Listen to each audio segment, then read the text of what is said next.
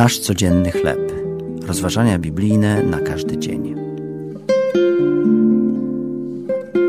Wypieki Jazz. Tekst autorstwa Tima Gustafsona na podstawie Ewangelii Jana, szósty rozdział od 22 do 34 wiersza.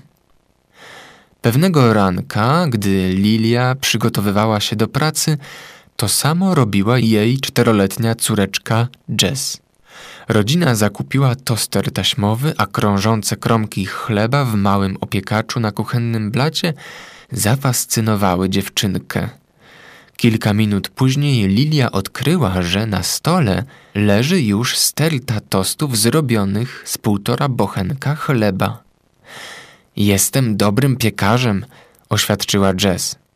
Nie jest żadnym cudem, że ciekawa świata dziewczynka potrafiła zamienić chleb na tosty. Gdy jednak Jezus zamienił pięć chlebów i dwie ryby należące do chłopca na posiłek dla tysięcy osób, tłumy stojące na zboczu pagórka rozpoznały nadprzyrodzony charakter zdarzenia i chciały uczynić go królem. Ponieważ królestwo Jezusa nie było z tego świata, nasz Pan postanowił się wymknąć. Gdy tłumy odnalazły go następnego dnia, zwrócił im uwagę na ich złą motywację. Szukacie mnie nie dlatego, że widzieliście cuda, ale dlatego, że jedliście chleb i nasyciliście się. Błędnie zakładali, że król Jezus zapewni im pełne żołądki i narodową niepodległość.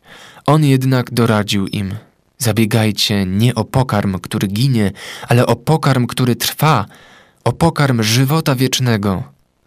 Jeśli patrzymy na Jezusa w ziemski sposób, będziemy traktować go jako narzędzie do spełniania naszych celów. On jednak jest naszym chlebem życia. To były rozważania biblijne na każdy dzień. Nasz codzienny chleb.